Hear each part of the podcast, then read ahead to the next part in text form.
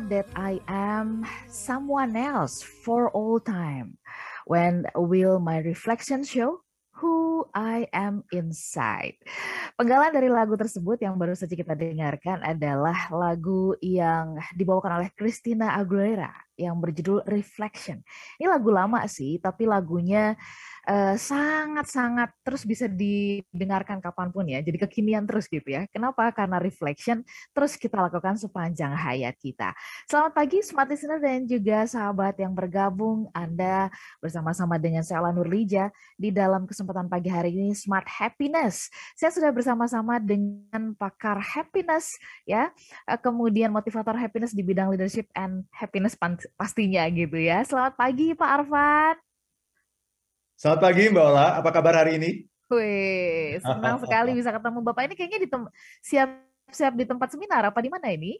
Betul, ya. Ini ini kita sedang di kantor ya, tapi kalau lihat background saya itu Aha, untuk uh, workshop setelah ini dari BRI dengan Bank dari, BRI setelah ini. Eh, oke, baik. Jadi nanti dengan Bang BRI akan sama-sama berefleksi juga ya. Betul.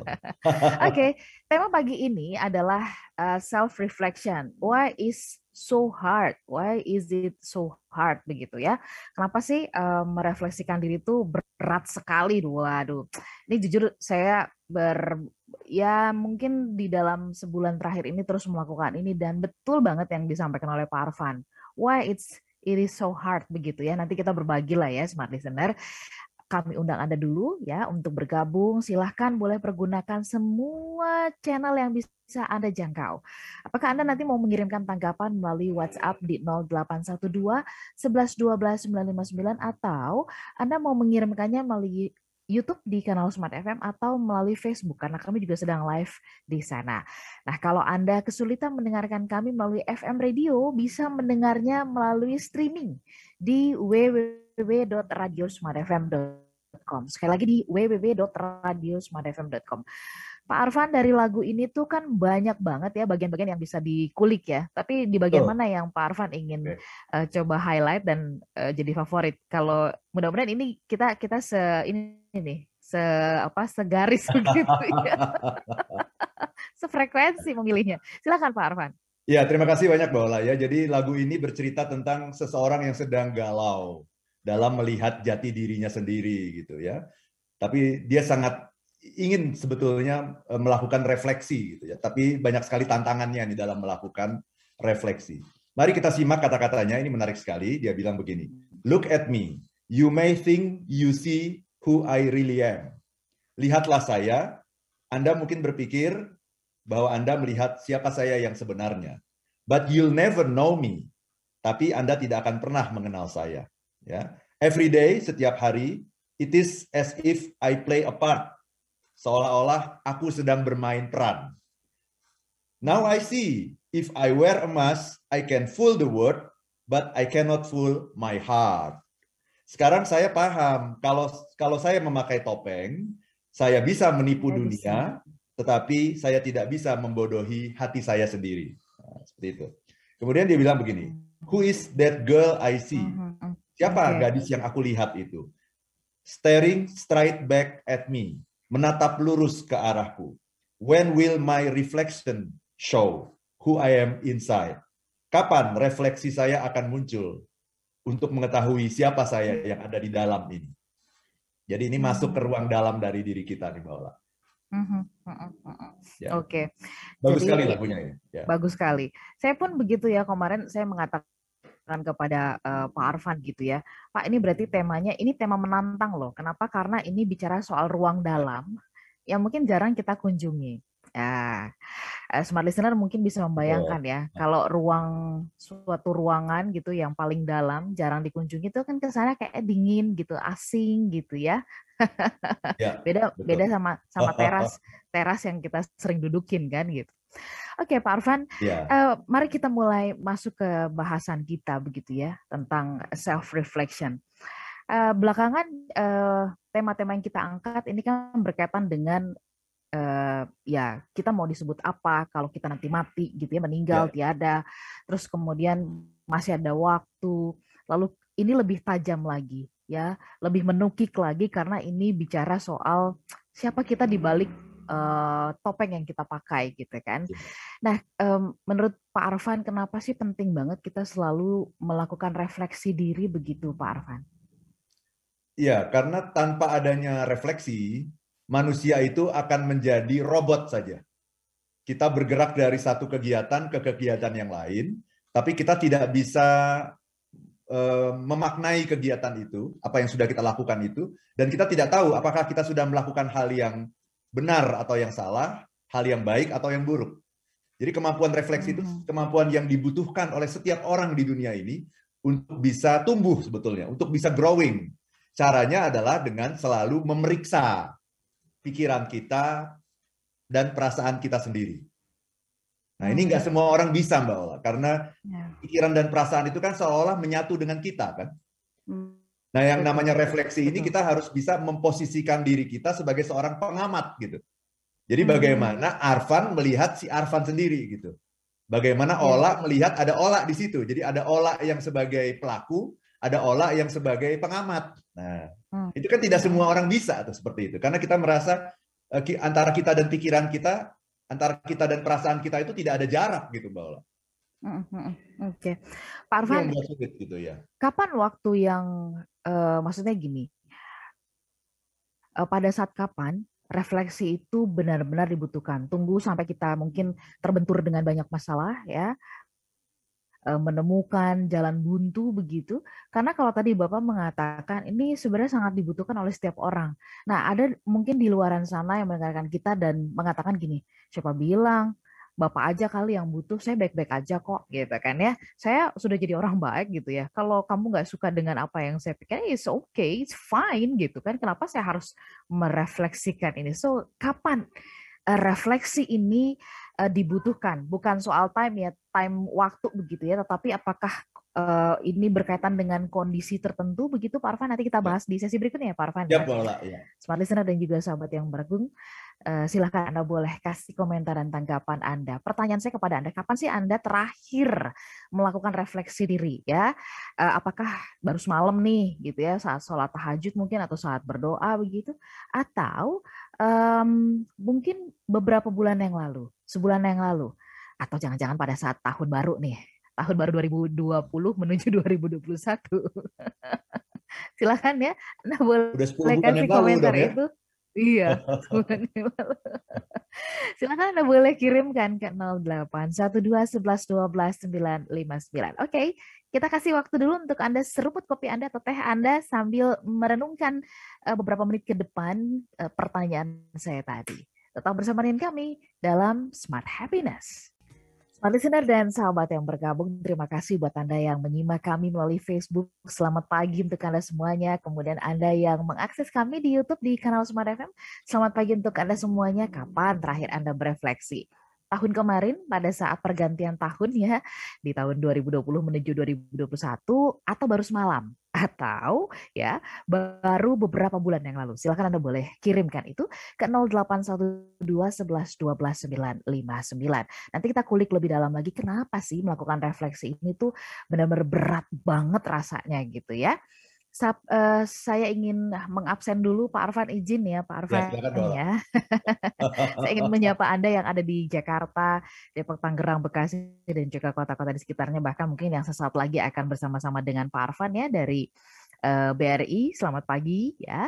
Kemudian Anda yang ada di uh, Jakarta, Jakarta, kemudian Yogyakarta, Surabaya, ya, dan kota-kota yang ada di Pulau Jawa. Selamat pagi untuk anda semuanya. Saya menuju ke Sumatera. Di sana ada Medan, Palembang, dan juga Pekanbaru.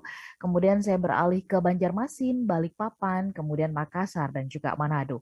Bahkan anda yang ada di Padang, kemudian ada yang WhatsApp saya, saya di Papua nih, kakak tidak pernah menyapa-nyapa katanya. Oke, selamat pagi kakak, ya yang ada di Papua. Mohon maaf loh ya, kalau saya nggak di-mention saya nggak tahu gitu kan. Terima kasih sudah bergabung bersama dengan kami. Anda yang ada di Batam, di Pangkal Pinang, di Bangka ya, eh, selamat pagi dan selamat bergabung. Kami mengajak Anda untuk berbincang bersama dengan Pak Arfan Pradiansyah. Why self-reflection it's it is so hard begitu. Kenapa ini kok berat banget ya? Baik Pak Arfan kita sama nyambung tadi sebelum jeda saya sempat tanya gitu. Refleksi itu tuh sebenarnya uh, yang paling baik kita lakukan tunggu ada saat-saat uh, atau kondisi yang tidak baik gitu ya, mentok, buntu, banyak masalah gitu kan. Atau semestinya setiap waktu ini dilakukan. Karena ada orang yang mengatakan ya ngapain Pak saya melakukan itu toh uh, saya baik-baik aja, pemikiran saya oke-oke aja kok. Kalau Bapak misalkan tidak sepakat, tidak setuju dengan saya, ya, ya nggak apa-apa gitu. Monggo Pak Arfan. Terima kasih banyak Mbak Ola. Itu kalimat yang barusan itu kalimatnya bagus sekali itu. Mm-hmm. Saya baik-baik aja. Nah itu adalah ciri dari orang yang tidak pernah melakukan refleksi. Mm. Dia okay. melihat yang namanya manusia itu ya istilah kita itu human doing, Mbak Ola. Human mm. doing itu apa? Ya manusia itu ya bergerak dari satu aktivitas ke aktivitas yang lain, dari satu meeting ke meeting yang lain dari satu pembicaraan ke pembicaraan yang lain. Jadi dia tidak melihat bahwa uh, manusia itu punya ruang dalam. Nah, ini ini tidak semua orang punya kemampuan itu, Mbak Ola. Apalagi kalau kemudian saya mengajak, yuk kita berziarah ke ruang dalam diri kita. Mari kita periksa niat kita, periksa pikiran kita, periksa perasaan kita. Dia akan bilang, yang mana itu ruang dalam gitu. Dia akan bingung gitu karena dia tidak pernah tahu bahwa sebetulnya hidup itu dibagi dua. Ada ruang luar, ada ruang dalam.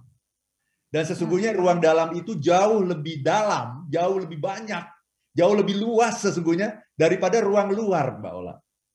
Dan ruang luar kita, apa yang terjadi pada ruang luar kita, sesungguhnya merupakan refleksi dari apa yang terjadi dalam ruang dalam kita. Orang-orang yang tidak pernah merawat ruang dalamnya, bahkan nggak pernah sadar bahwa ada yang namanya ruang dalam, maka dia akan mengatakan itu tadi. Saya baik-baik saja. Apa yang perlu diperbaiki dari diri saya? Saya sehat-sehat saja, oke-oke aja.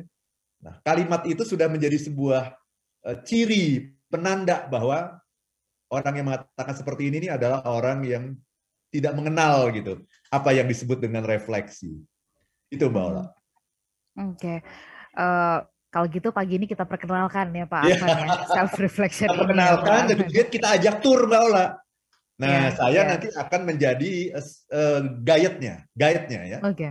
Ya, ya, ya. Tadi Pak Arfan mengatakan gitu kan, mari kita berziarah. Ini kan sebenarnya berziarah ke ruang dalam yang sebenarnya ini jauh lebih dalam, panjang gitu ya. Kadang-kadang juga uh, tidak ber ini tidak berdinding gitu kan, tidak berdinding Betul. ruang dalam ini kan. Betul. kan. Pak Arfan, apa sih yang harus tadi kalau Bapak mengatakan, mari kita memeriksa, memeriksa niat, ya, memeriksa kesungguhan, memeriksa dan sebagainya gitu. Kapan itu kita perlu lakukan untuk kita periksa, Pak Arfan? Apakah ketika ada stimulus dari luar yang mengatakan, ini Pak Arfan gimana sih jadi orang kok gini banget sih gitu?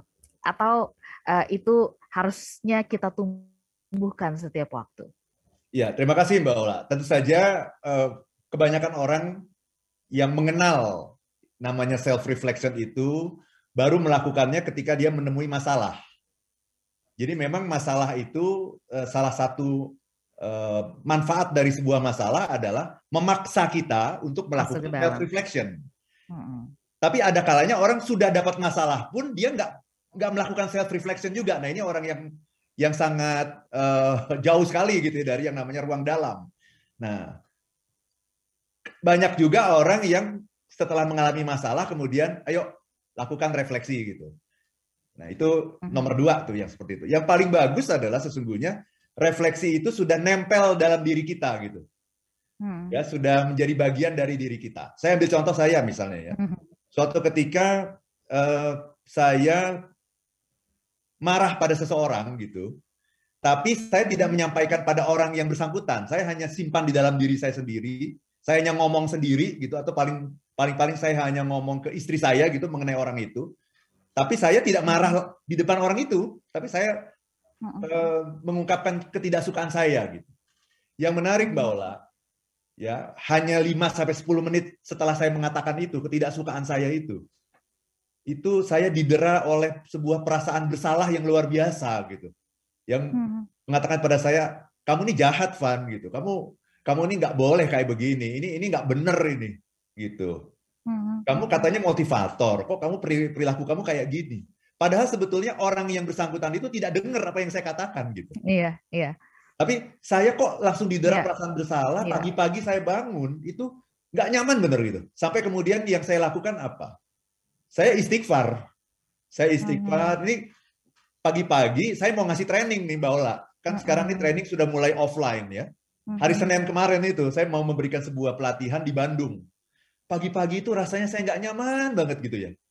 Saya cari kenapa ya? Oh iya ini karena pikiran jelek saya pada orang itu. Padahal orang itu nggak tahu pikiran saya itu masalahnya. Dia dan dia tidak sakit hati dengan dengan apa yang saya katakan karena dia juga tidak mendengar dan tidak tahu. Tidak mendengar.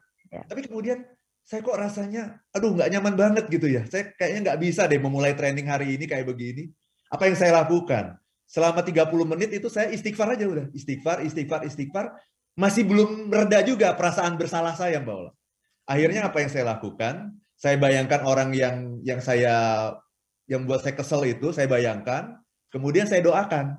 Ya Allah, berikanlah kebaikan kepada dia. Ya Allah, berikanlah uh, rahmatmu, berkahmu kepada dia, jadikanlah dia orang yang lebih baik lagi, gitu, dan sebagainya. Ya, sampai saya benar-benar ikhlas mendoakan dia, ya mungkin sekitar 10-15 menit, baru tuh perasaan saya lega, nyaman, tenang, gitu ya. Dan saya bisa memulai hari Senin kemarin itu dengan sebuah perasaan bahagia, gitu. Jadi saya baru paham gitu Mbak, yang namanya orang itu sebetulnya bukan dihukum karena dosanya, tapi orang dihukum oleh dosanya. Hmm, hmm. Jadi kan kalau orang dihukum karena dosanya kan gini, kita berdosa, kemudian kita dihukum karena dosa kita. Ternyata nggak nggak begitu prosesnya. Ketika saya berdosa, dosa itu langsung menghukum saya gitu. Hmm. Orang Dia langsung tahu, Betul. dunia nggak tahu gitu bahwa hmm. saya melakukan kesalahan, tapi dosa itu langsung menghukum saya, saya benar-benar nggak nyaman gitu. Nah, saya ingin mengatakan itu sebuah proses yang akan kita dapatkan kalau kita sering melakukan self reflection. Jadi self contoh gini, ya. Misalnya saya marah nih Mbak Ola ya, saya marah sama anak buah saya gitu. Begitu saya selesai marah nih, langsung langsung ada sebuah feedback gitu. Van, kamu marahnya udah keterlaluan. Ini nggak boleh, kamu nggak boleh menjatuhkan harga diri orang. Ini udah salah. Kamu nggak bener kayak gini. Udah langsung begitu gitu. Jadi baru selesai marah, anak buah saya pergi, saya lagi sendirian, tiba-tiba saya didera perasaan bersalah yang luar biasa dahsyat gitu. Hmm. Itu yang sering saya saya rasakan gitu. Nah, itu yang namanya self reflection itu sesuatu yang langsung kita rasakan. Jadi kayak feedback gitu loh, Mbak Ola.